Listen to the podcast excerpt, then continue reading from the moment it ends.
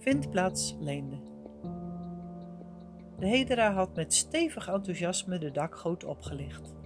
Het lekte langs de buitenmuur. Dat had daar allemaal niet uitgemaakt.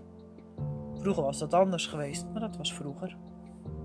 Nu warmde ze zich aan de zon op haar overdekte binnenplaatsje en hoorde met liefde de regen op het platte dak kletteren.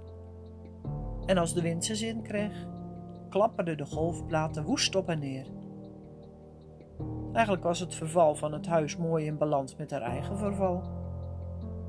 Ze klom s'avonds met moeite haar steile trap op naar de slaapkamer. En als ze het huis hoorde kraken, dan voelde ze zich innig verbonden, niet alleen.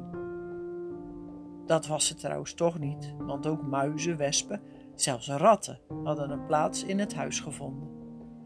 De wespen maakten dankbaar gebruik van het water dat in de pannetjes opgevangen werd in de verlaten slaapkamers.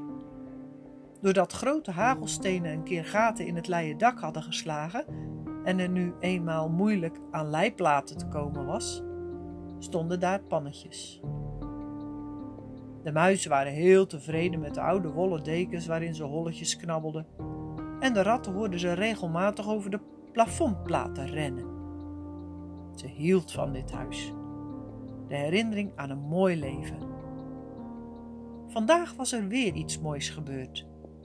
Ze had gemerkt dat de klimopranken haar ramen steeds meer bedekten. Daardoor was het in huis steeds donkerder geworden. Maar nu had ze gezien dat er zich tussen de klimop en haar raam een mussenpaadje nestelde. Ze kon van binnen alles volgen.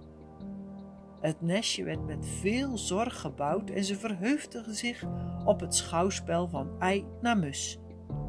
En natuurlijk het uitvliegen. Ja, vooral het uitvliegen. Hoger, steeds hoger.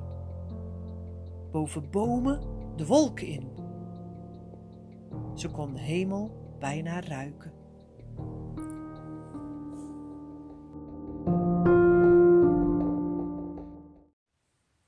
Wat leuk dat je naar mijn podcast Bananenschillen hebt geluisterd.